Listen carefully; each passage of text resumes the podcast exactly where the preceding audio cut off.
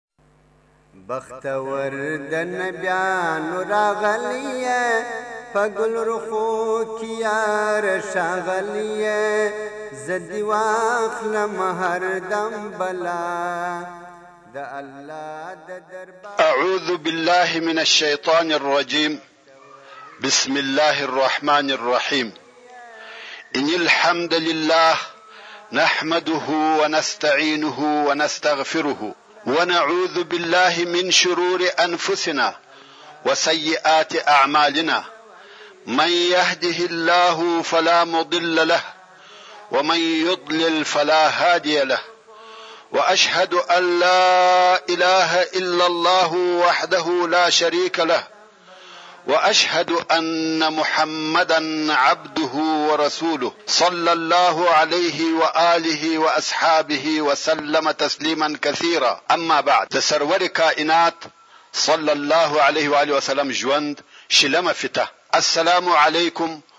ورحمت الله وبرکاته محترمو وروڼو په تیره نونسمه پیته کی موږ د احد د غزا قصه په پوره تفصیل سره درته بیان کړه او خبره دې ځای ته رسیدلې وه چې دغه غزا آیا د مسلمانانو د فاره شکست بلل کیدلای شي که یا نو اوس بیا د هغه ځای څخه راشروع کړو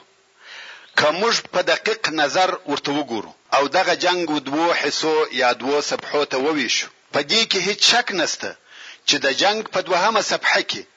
عسکري لوړوالی او تفوق د مشرکانو د لښکر و او دوی و چې پر میدان جنګ مسلط و، د اروحو یا انسانانو تلفات د مسلمانانو په طرف کې ډیر او زړه دردونکي و او د مسلمانانو یوې ډلې د شکه وتلی شکست وخوړ ځکه وتښتېده او لاړه او د جنګ حالات د مشرکانو په نفع وه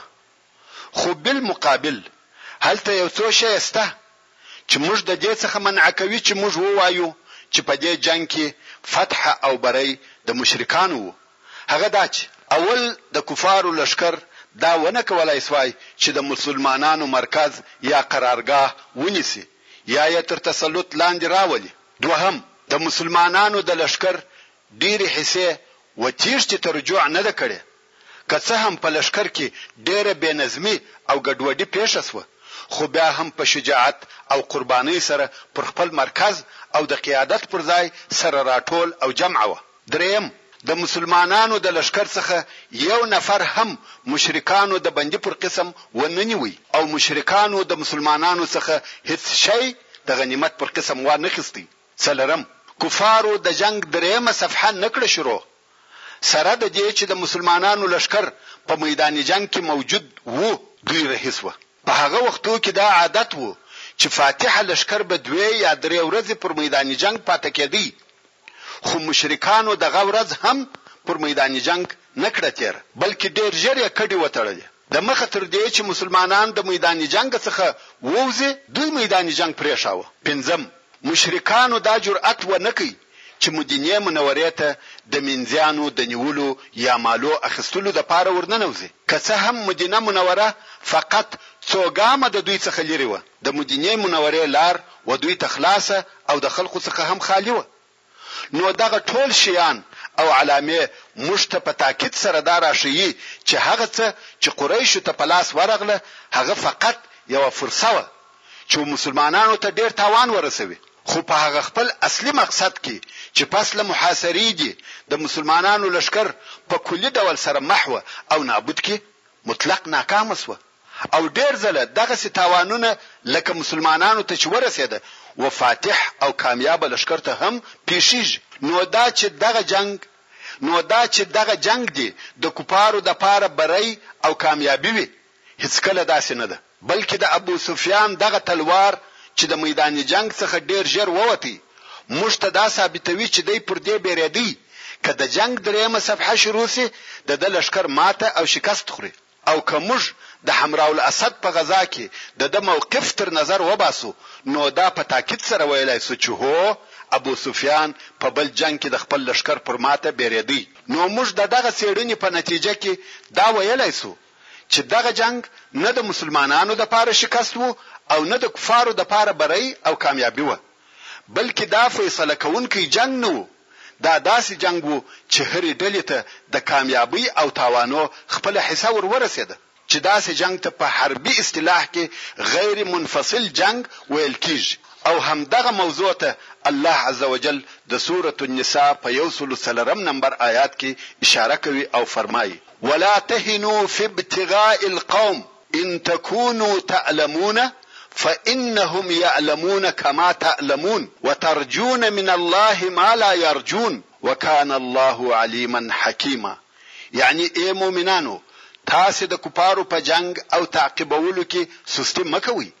که تاسې خوږېږئ نو بې شکه چې دوی هم داسې خوږېږي لکه تاسې چې خوږېږئ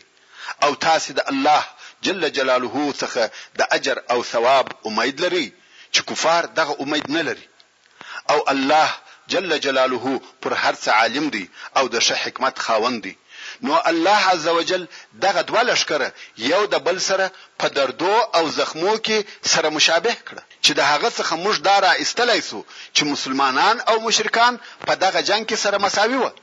او دواړې ډلې په داسې شکل سره د میدان جنګ څخه ووتې چې یوه هم غالبه نه وه. وروڼو! مسلمانان باید هیڅ کله د کفارو د جنګ څخه ونه بیریږي،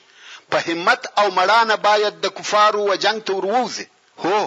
په جنګ کې به مسلمانانو ته دردونه، زخمونه، شهادتونه او تکالیف ور رسیږي، خو کفارو ته هم په عین شکل سره دردونه، زخمونه، وژنه، ستړیاوې او تکلیفونه وررسېږي، مګر یو فرق موجود دی،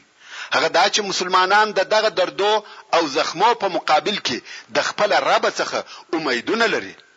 د ابدي ژوند راحتونه، جنتونه او نعمتونه غواړي، خو کفار هېڅ امید نه لري، فقط دغه دنیوي ژوند یې دی،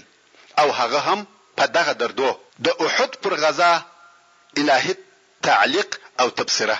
وروڼو! د الله جل جلاله د طرفه څخه د احد د غزا په متعلق آیاتونه نازل شوه چې د دغه جنګ پر ټولو مهمو نقطو یې مرحله په مرحله روښنايي اچول او هغه سببونه یې روښانه کړه چې دغه تاوانونه یې په وجود راوړه. او د ځینو مسلمانانو هغه ضعیفه اړخونه یې ښکاره کړه کوم چې تر اوسه پورې په ځینو کسانو کې موجود وه. هغه کسان یې متوجه کړه چې په دغسې مهم او فیصله کوونکو وختو کې د هغو واجبه وظیفه چیشي ده او د دغه امت چې تر نورو امتو افضل او بهتر دی هدف او مقصد چیشي دی او بیا قرآن مجید د منافقینو حالات بیان کړه. هغه یې رسوا کړ، د هغو هغه د زړه حالات یې ښکاره کړ چې د الله او رسول الله صلی الله علیه و آله وسلم سره عداوت وو او هغه وسوسې او شبهې یې ایسته کړې چې د ضعیفه مسلمانانو په زړو کې ورګرځېدلې.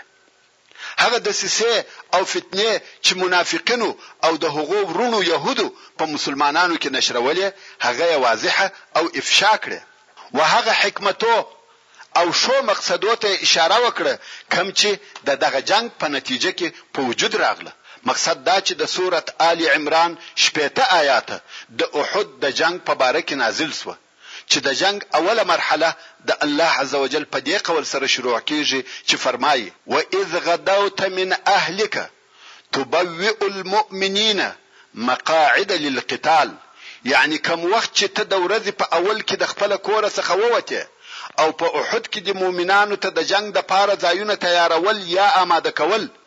او هغه آخرنی آیات چې د احد د جنګ پر نتیجه او حکمت شامله او جامعه تبصره کوي د الله عزوجل هغه قول دی چې فرمايي. ما کان الله لیذر المؤمنین علی ما انتم علیه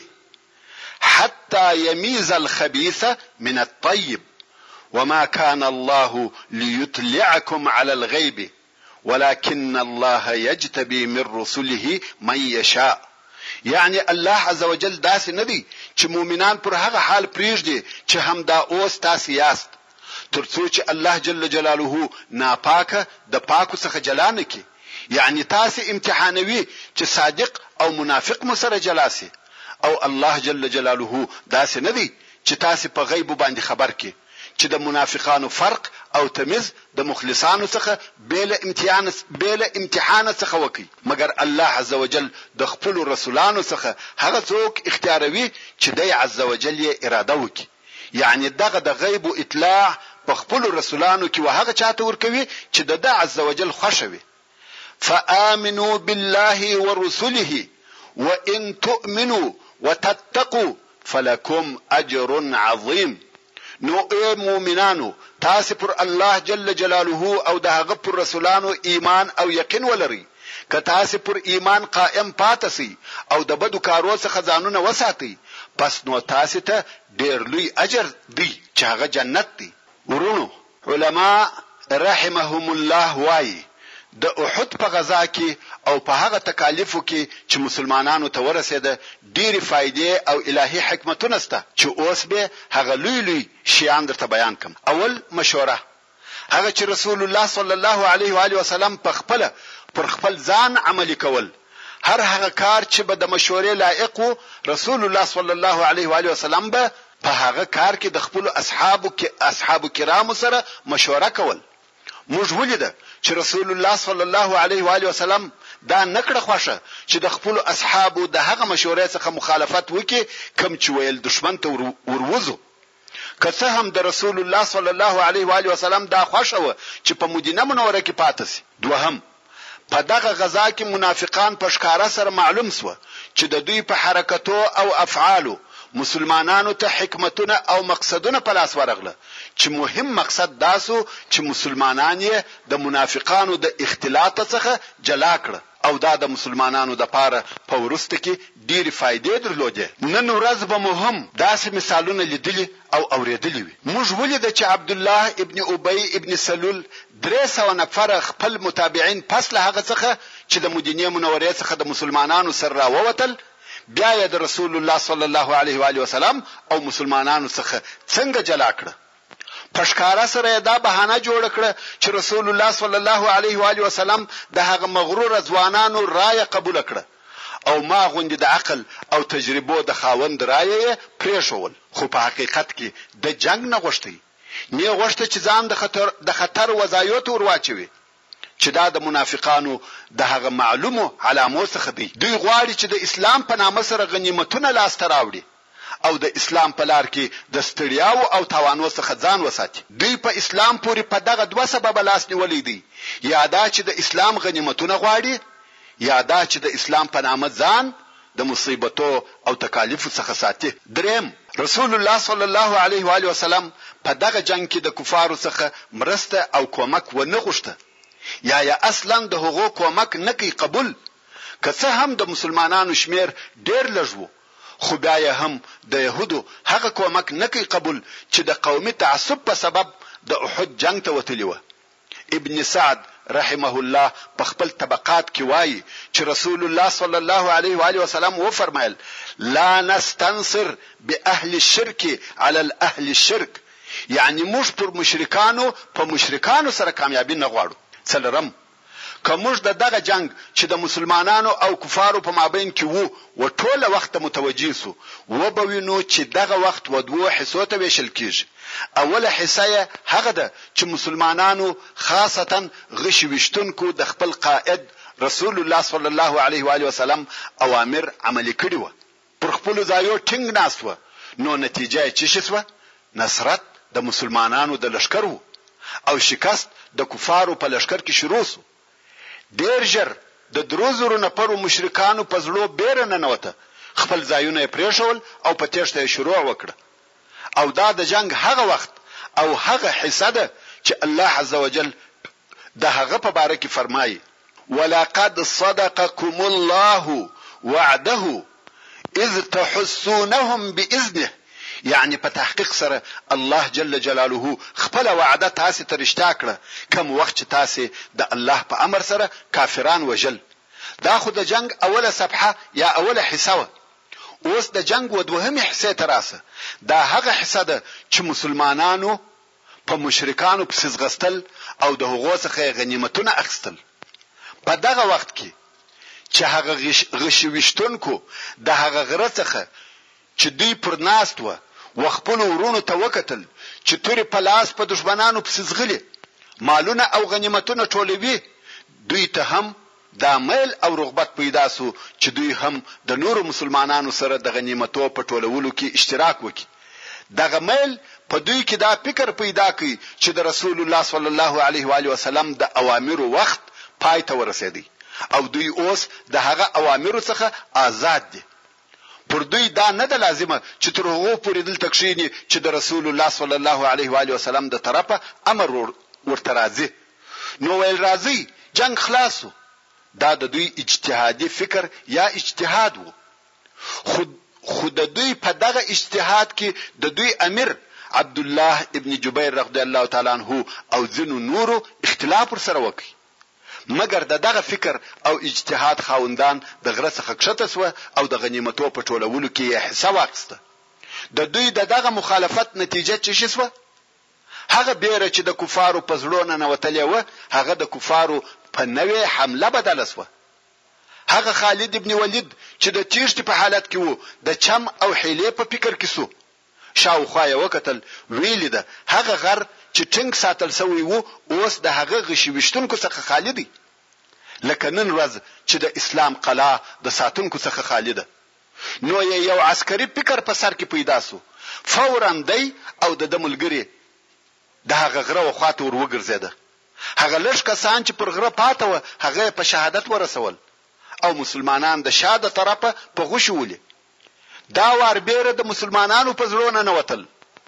او هغه پېښه شوه چې د مخه مو درته بیان کړه. د جنګ پر دغه حصه الله عز وجل تبصره کوي او فرمایي، حتی اذا فشلتم وتنازعتم فی الامر وعصیتم من بعد ما اراکم ما تحبون منکم من یرید الدنیا ومنکم من یرید الاخره ثم صرفکم عنهم لیبتلیکم یعنی تر هغه وخته پوری تاسو کامیابه واست مشرکان مو وژل تر څو چی بی زړه سواست او په خپل مابین کی د رسول الله صلی الله علیه و آله وسلم په امر کی سره مخالف سواست چا ویل ځو چا ویل کښینو او پس له هغه څخه مو نافرماني وکړه چې الله عزوجل هغه شی درښکاره کړ چې ستاسې خوښ وو چې هغه نصرت او غنیمت وو. ځینې ستاسې څخه هغه څوک دي چې دنیا او د هغې دغه لږ او خسیس ژوند خوښوي او ځینې ستاسې څخه هغه څوک دي چې آخرت خوښوي. وروڼو! اوس نو تاسې وګورئ، د دغه یوې خطا نتیجه څونه لو او عامه وه. د مسلمانانو په لښکر کې د یو څو لږو کسانو د خطا نتیجه و ټولو مسلمانانو ته ورسېده. الله عز وجل و مسلمانانو ته د رسول الله صلی الله علیه وآله وسلم د نافرمانۍ نتیجه ور وښوول ته د هغه لږو مسلمانانو هغه لږ خطا او د نن ورځې د مسلمانانو دغه ډېرې او قسم قسم خطاوې او نافرمانۍ چې د عامو او خاصو خلقو د ژوند په هر اړخ کې یې وینې سره وسنجوه بیا نو د الله جل جلاله و لطف او کرم ته فکر وکړه چې موږ ولې د دغه خپلو ګنهو په سبب نه هلاکوې حتی امر بالمعروف او نهی عن المنکر مو پرې ایښي دي که ته په دغه باره کې فکر وکړې، نو به د ځینو خلقو د هغه پوښتنې جواب در معلوم شي چې دوی وايي، نن ورځ ولې مسلمانان د کفارو په مقابل کې مغلوب دي، حال دا چې موږ مسلمانان یو او هغه کفار دي؟ پنځم، موږ ولیده چې رسول الله صلی الله علیه وآله وسلم د دغه جنګ په دوهمه حصه کې ډېر ازار کړه سو. اوږه یې وکوټل سوه. سر مبارک یې زخمي سو. غاښ مبارک یې مات سو. پر مخ مبارک یې ویني په شدت سره بهېدلې. چي دا ټوله د هغه مسلمانانو د خطا نتیجه وه چي د خپل قائد رسول الله صلی الله علیه وآله وسلم د امر څخه یې مخالفت وکړ. مګر په دې کې څه حکمت وو چې د رسول الله صلی الله علیه و آله وسلم د وژل کېدو آوازه د مسلمانانو په صفو کې خپره شوه؟ جواب، د رسول الله صلی الله علیه و آله وسلم سره د مسلمانانو ارتباط او د دوی په مابین کې د ده علیه الصلوة والسلام وجود د مسلمانانو دپاره داسې یو قوت وو چې دوی هیڅکله د هغه د فراق او جلاوالي تصور نه وو کړی، او دوی هیڅ دا خیال نه کاوه چې موږ دې تر ده، علیه الصلوة والسلام، وروسته د خپلو ځانو د یو ځای کیدو یا یوه قدرت د جوړیدو طاقت ولرو. نو د رسول الله صلی الله علیه وآله وسلم وفات داسې یو شی وو چې د دوی په زړو کې هیڅ نه ورګرځیدی لکه دا شی چې دوی د خپلو فکرو څخه غورځولی وو. او په دې کې هیڅ شک نشته که دوی ددغه غفلت څخه د رسول الله صلی الله علیه وآله وسلم په واقعي وفات راویښ شوي وای، زړونه بې چاودلي وای، هغه ایماني بنیاد او اساس بې رېږدېدلی وای. نو د الهي حکمت څخه یو هم دا و چې دغه آوازه یې په مسلمانانو کې ددې لپاره خپره کړه چې دا هم د دغه عسکري درسو په مابین کې د مسلمانانو لپاره یوه لو تجربه شي او مسلمانان د دغه آوازې په اوریدلو سره د هغه حقیقي وفات د ورځې لپاره چې خامخا راتلونکې ده د اوسه څخه لا ځانونه آماده او ویښ کړي او که چیرې رسول الله صلی الله علیه و آله وسلم د دوی د مابین څخه رحلت وکړي نو دوی به بیرته و هغه خپل شرک ته نه ګرځي او د همدغه عظیم درس دپاره هغه آیات د هغو کسانو پر حال د تبصرې پر قسم نازل شو کوم چې د رسول الله صلی الله علیه وآله وسلم د وژل کېدو د خبر په اورېدلو سره ضعف او سستي ورته پېښ شوه کوم چې الله عز وجل فرمايي وما محمد الا رسول قد خلت من قبله الرسل افان مات او قتل انقلبتم على اعقابكم ومن ينقلب على عقبيه فلن يضر الله شيئا وسيجزي الله الشاكرين يعني محمد صلى الله عليه واله وسلم نبي مگر ده الله يا رسول دي په تحقیق سره تر ده علیه الصلاة والسلام د مخه ډېر رسولان تېر شوي دي، ایا که دی صلی الله علیه و آله وسلم مړ شي یا شهید کړل شي نو تاسې به بیرته پر شا و هغه خپل کفر ته ګرځئ؟ او هر څوک چې بیرته هغه خپل کفر ته وګرځي نو هیڅکله و الله عزوجل ته هیڅ ضرر نه رسوي. او شکر کوونکو بنده ګانو ته به الله عزوجل ډېر ژر د خیر بدله او جزا ورکړي. نو د دغه درس ایجابي او مثبت اثر په هغه ورځ ښکاره شو چې رسول الله صلی الله علیه و آله وسلم واقعاً د رفیق اعلی و طرف ته رحلت وکړ.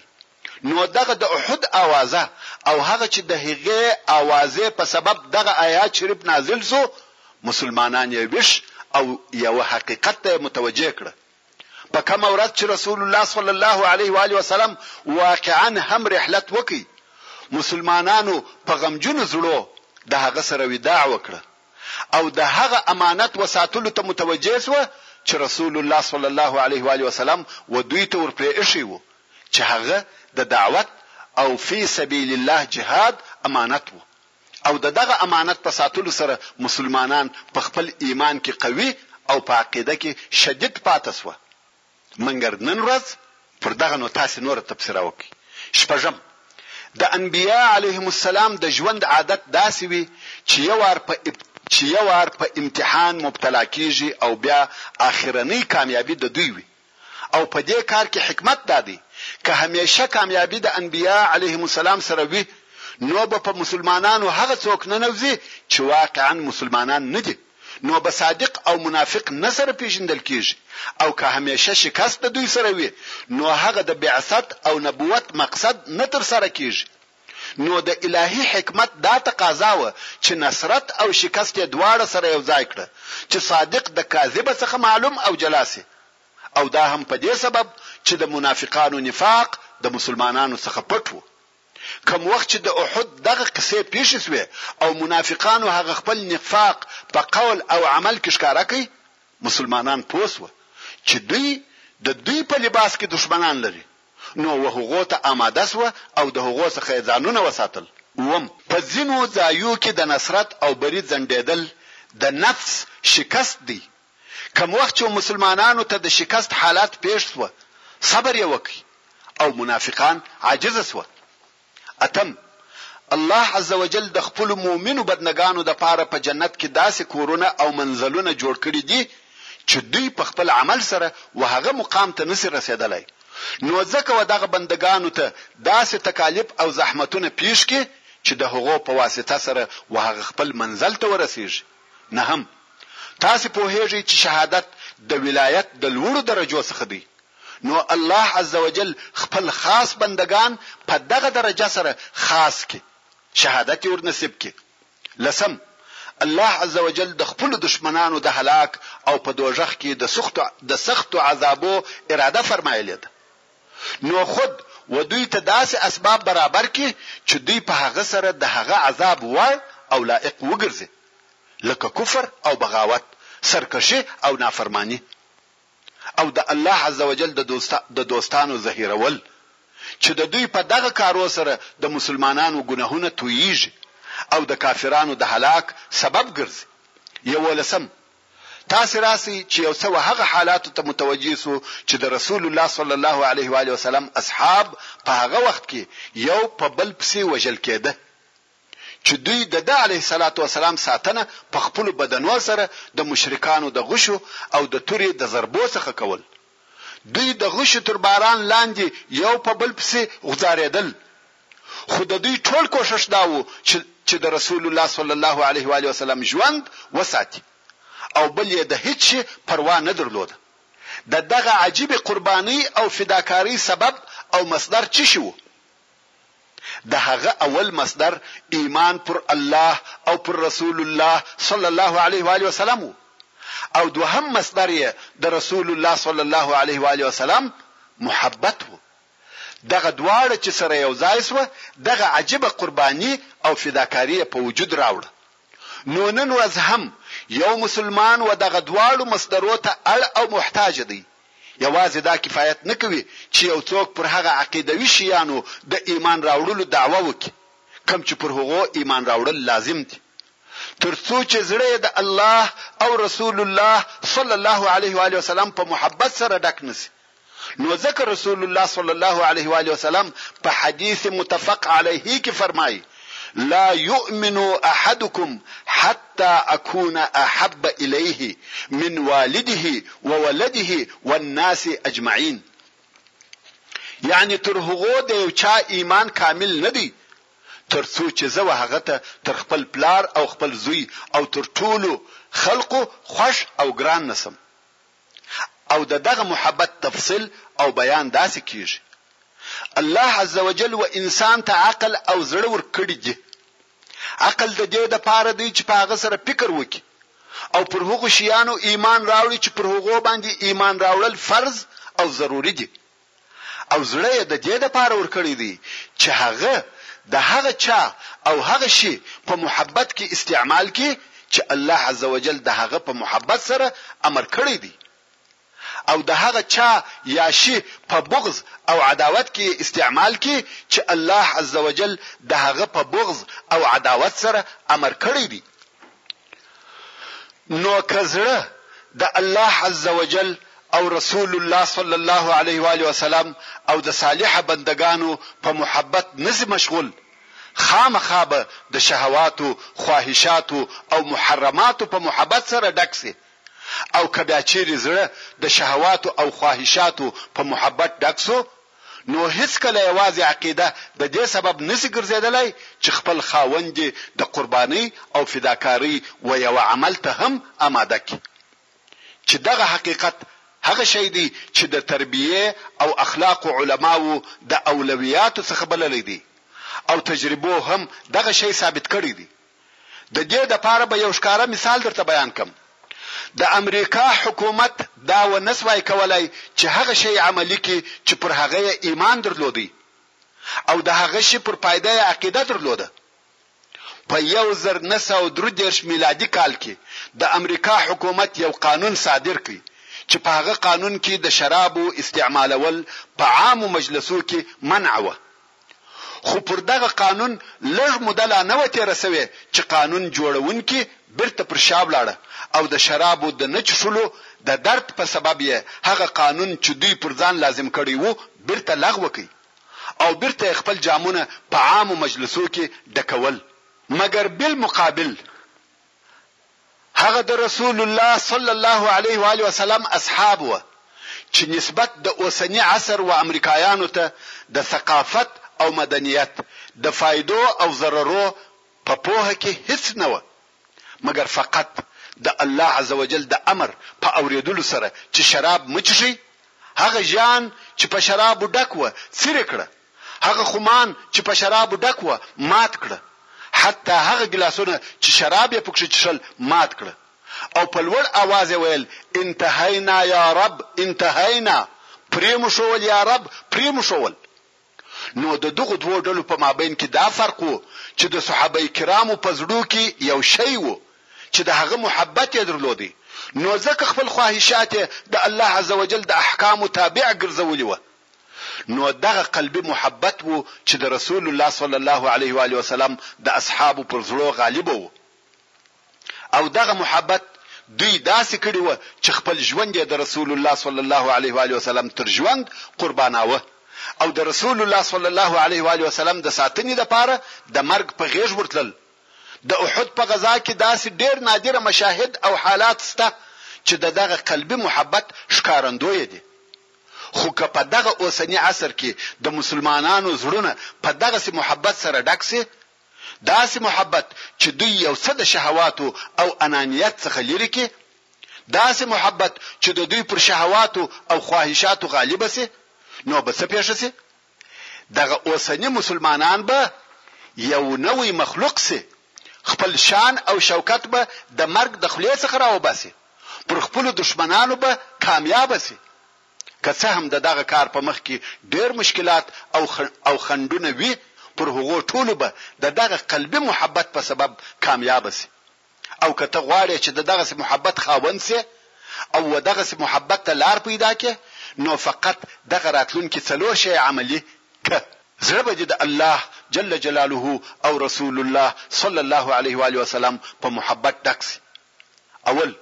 تر ټولو د مخه د الله عزوجل ټول عبادتونه د زړه په حضور او بېره سره کوه، کله نا کله و الله عز وجل ته دعا، عجز او زاری کوه. دوهم، د الله عز وجل ذکر او یاد ډیر کوه، همیشه لا اله الا الله او سبحان الله وایه. دریم، پر رسول الله صلی الله علیه و آله وسلم درود ډیر وایه. د هغه علیه الصلوة والسلام په سیرت، اخلاق او شمائلو کې فکر کوه. څلورم، د الله عزوجل په هغه نعمتو کې ډېر فکر کوه چې تاته یې درکړي دي او هغه یادوه. محترمو وروڼو که د احد پر غزا نور هم و تبصره کولو ته دوام ورکړم پوره یو کتاب ځینې جوړېږي خو زه به په دغه اندازه سره کفایت وکړم نور نو تاسې کولای شئ چې د سیرت النبي صلی الله علیه وآله وسلم پر هره ماده په خپله تبصره وکړئ. دا فقط و تاسې ته لارښوونه وه چې څنګه او په کومه طریقه سره د سیرت النبي صلی الله علیه و آله وسلم څخه حکمتونه او درسونه را ایستلای شئ. وروڼو! دا د احد د غزا قصه وه، هغه لو او شدیده غزا چې پر مسلمانانو تیره شوې ده. دا هغه غزا وه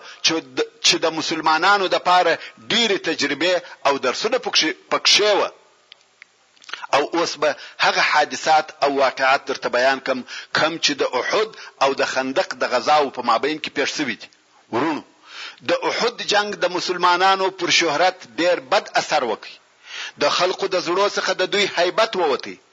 خلقو ته ضعیفه ښکاره شوه. پر مسلمانانو داخلي او خارجي مشکلات زیات شوه.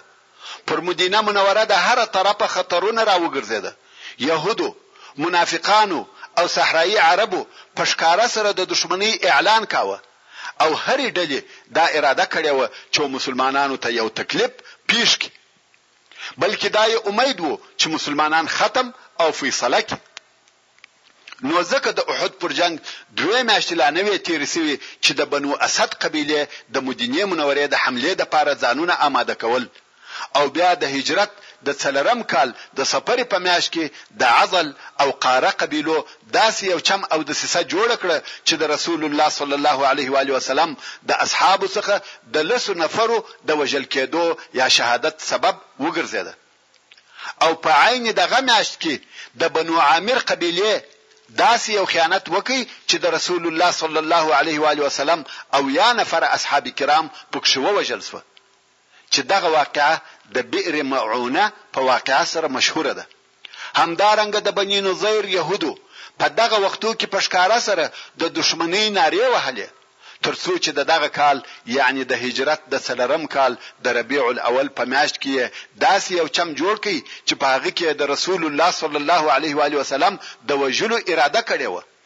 او د هجرت د څلورم کال د جمادی الاول په میاشت کې د بنو غطفان قبیلې پر مدینه منوره د حملې اراده وکړه. مقصد دا،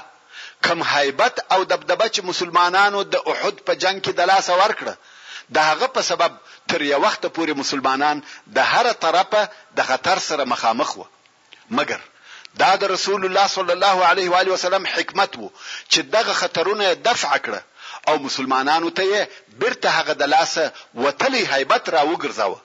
او دوی ته یې بیرته مجد او لوړوالی، شان او شوکت،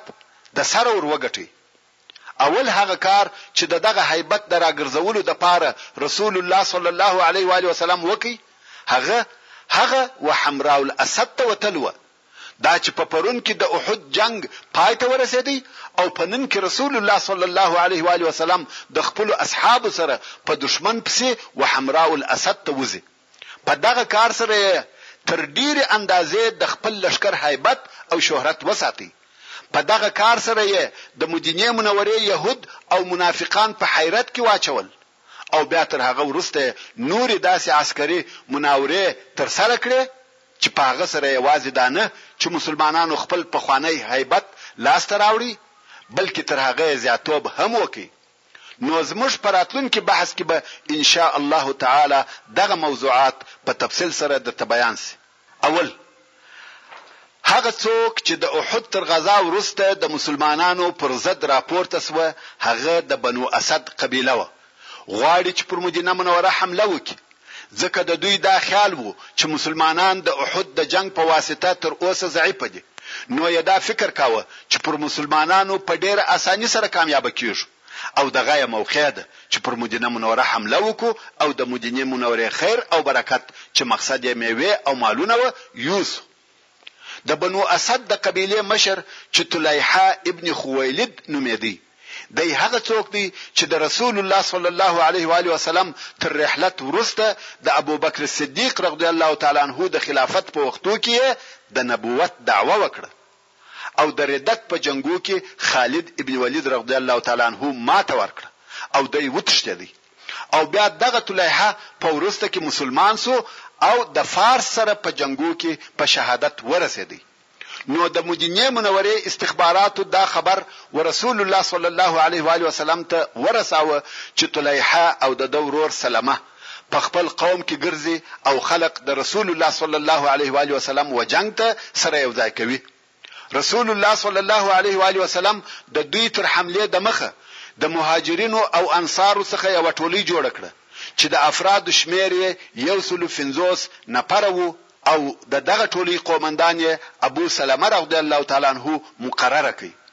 ابو سلمه رضی الله تعالی عنه د هجرت د څلورم کال د محرم په میاشت کې د بنو اسد د قبیلې پر طرف حرکت وکړ. بنو اسد په دې حال نه دي خبر، د هغو تر آمادګۍ او حملې د مخه د هغو په بې خبرۍ کې د مسلمانانو د طرفه حمله پر وشوه،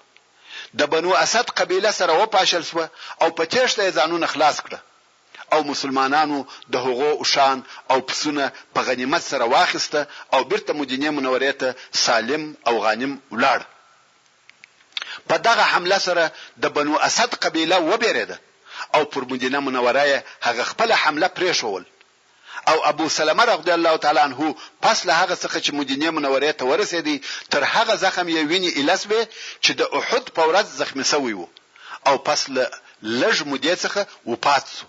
د خالد ابن سفیان الهذلی د وژلو دپاره د عبدالله ابن انیس رضی الله تعالی عنه لیږل وروڼو! د مدینې منورې په جنوب کې و مکې مکرمې ته نږدې یوه قبیله اوسېده چې د هذیل قبیله ورته ویل کېده او د دغه قبیلې مشر او رئیس خالد ابن سفیان الهذلي نومېدی. دغه خالد ابن سفیان غوښته چې پر مدینه منوره یوه قوي او شدیده حمله وکړي نو د دغه حملې د کولو لپاره یې د لښکر په جوړولو او راټولولو شروع وکړه. د هره ځایه څخه خلق ورته راتله دلته بیا د مدینې منورې استخباراتو دا خبر ورسول الله صلی الله علیه و آله وسلم ته ورساوه چې خالد ابن سفیان د مسلمانانو د جنګ د پاره لشکر جوړوي نو رسول الله صلی الله علیه و آله وسلم دا اراده وکړه چې د مخه تر دې چې دی پر مدینه منوره حمله وکړي باید مسلمانان د دې حمله او خطر څخه خلاص نو رسول الله صلی الله علیه و آله وسلم د اصحاب کرامو څخه یو نفر اختیار کړ چې ډېر هوښیار، ذکي، دلاوره او جنګي پهلوان و. د دغه سړي نوم عبدالله ابن انیس و. رسول الله صلی الله علیه و آله وسلم ورته وفرمایل،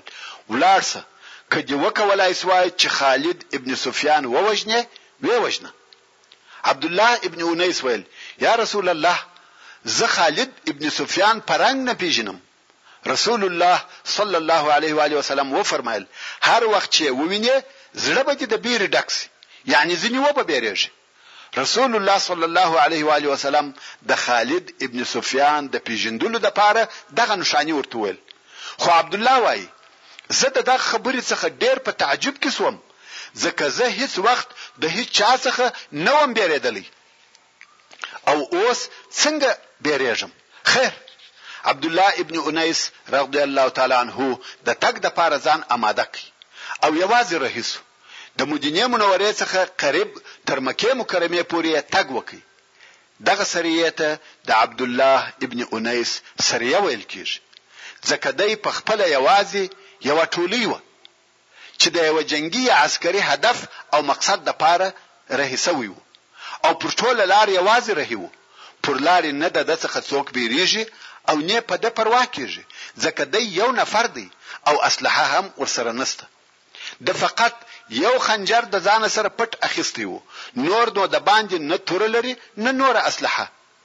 د مازیګر د لمانځه وخت و چې دی د بني هذیل و منطقې ته ورسېدی. هلته یوې غونډۍ ته وختی. د الله عزوجل په اراده کوم وخت چې دی غونډۍ ته وختی، هلته یې یو نفر ولیدی چې ښځې هم ورسره دي. د هغه نفر په لیدلو سره د عبدالله، رضی الله تعالی عنه، زړه په بېره ډک شو. ددغه سړي څخه ډېر وبېرېدی او دا هغه علامه او نښاني وه چې رسول الله صلی الله علیه و آله وسلم د خالد ابن سفیان د پېژندګلوۍ لپاره ورته ویلي وه ورته ویلې وه عبدالله وایي زه پوه شوم چې دغه نفر خالد ابن سفیان دی او زما د مقصد سړی هم دغه دی باید ویې وژنم او اوس د مازیګر د لمانځه وخت دی، که لمونځ کوم شاید دی راڅخه ولاړ شي او که دی وژنم شاید لمونځ راڅخه قضا شي، نو زه د ده پر طرف ور رهي یم او په اشاره سره لمونځ کوم، تر څو چې و خالد ته ورسېدم ما لمونځ پوره کړی و. خیر خالد ته ورورسېدم. خالد پوښتنه راڅخه وکړه چې څوک یې؟ ما ویل د خزاعه د قبیلې یو نفر یم او اورېدلي مې دي چې د محمد، صلی الله علیه وآله وسلم، د جنګ دپاره لښکر جوړوې، نو مې دا خوښه وبلل چې ستا سره په دې جنګ کې شریک شم. خالد ویل، هو ښه دی. ما نورې خبرې ورسره شروع کړې. خالد زما د طرفه مطمئن او بې غمه و، ځکه زما سره هېڅ اسلحه نشته، نو ده هم مجلس راسره شروع کړ او هغه د ده سره ملګرې ښځې زموږ څخه یو څه لرې شوې. عبدالله رضی الله تعالی عنه وايي، کوم وخت چې ښځې لرې شوې، نو مې خنجر راویست او پر خالد وارونه کوم، تر څو چې دا مې یقین شو چې اوس نو مړ دی. د خالد سر مې پرې کړ او راسره وامې خیست. وروسته ښځې راغلې، که ګورې سړی مړ پروت دی او زه تللی یم. ښځو نارې او بغارې کړې، څو خلق سره راټول شوه، خو عبدالله تللی او پټ شوی و. عبدالله رغدی الله تعالی عنه د هجرت د څلرم کال د محرم د میاشتې پر پنځم تاریخ په دغه خپله وظیفه پسې د مدینې منورې څخه رهي شو او د شنبې په ورځ چې د محرم د میاشتې درویشت تاریخ وو بیرته مدینې منورې ته ورسېد چې په دې حساب عبدالله رضی الله تعالی عنه اتلس ورځې د مدینې منورې څخه غائب وو. او اوس چې عبدالله مدینې منورې ته ورسېدی او رسول الله صلی الله علیه و آله وسلم چې د لیرې ولیدی ورته خندل یې او وې فرمایل، افلح وجهک یا عبدالله، عبدالله ویل، افلح وجهک یا رسول الله، وروڼو! دا د عربو اصطلاح وه چې یو څوک به پر خپل مقصد کامیابه شو دغه جمله به ورته ویل چې د لفظ ترجمه یې داسې ده، کامیابه او مقصد ته ورسېدی ستا مخ نو ځکه د دواړو د طرفه دغه جمله وویل شوه او عبدالله رضی الله تعالی عنه د خالد سر د رسول الله صلی الله علیه وآله وسلم و مخ ته کښېښاوه. رسول الله صلی الله علیه وآله وسلم خپله لکړه و عبدالله ته ورکړه او ویې فرمایل، د قیامت په ورځ دغه لکړه زما او ستا په مابین کې علامه او نښانه ده. عبدالله رضی الله تعالی عنه دغه لکړه د مرګ تر وخته ورسره وساتل او د مرګ په وخت کې یې وصیت وکړ چې دغه لکړه دې زما سره په کفن کې کښېښول شي. خالد ابن سفیان الهذلي چې د کفارو د رئیسانو څخه یو رئیس و، په دغه طریقه سره ووژل شو او د عبدالله ابن انیس په همت او مړانه سره مسلمانان د هذیل د قبیلې د هغه لوی حملې څخه خلاص و، ځکه د خالد ابن سفیان په وژل کېدو سره د هذیل قبیله سره وپاشل شوه او پر مدینه منوره حمله پاتې شوه. محترمو وروڼو پاته قصه به ان شاء الله تعالی په راتلونکې کې واورئ وما توفیقی الا بالله وهو السمیع العلیم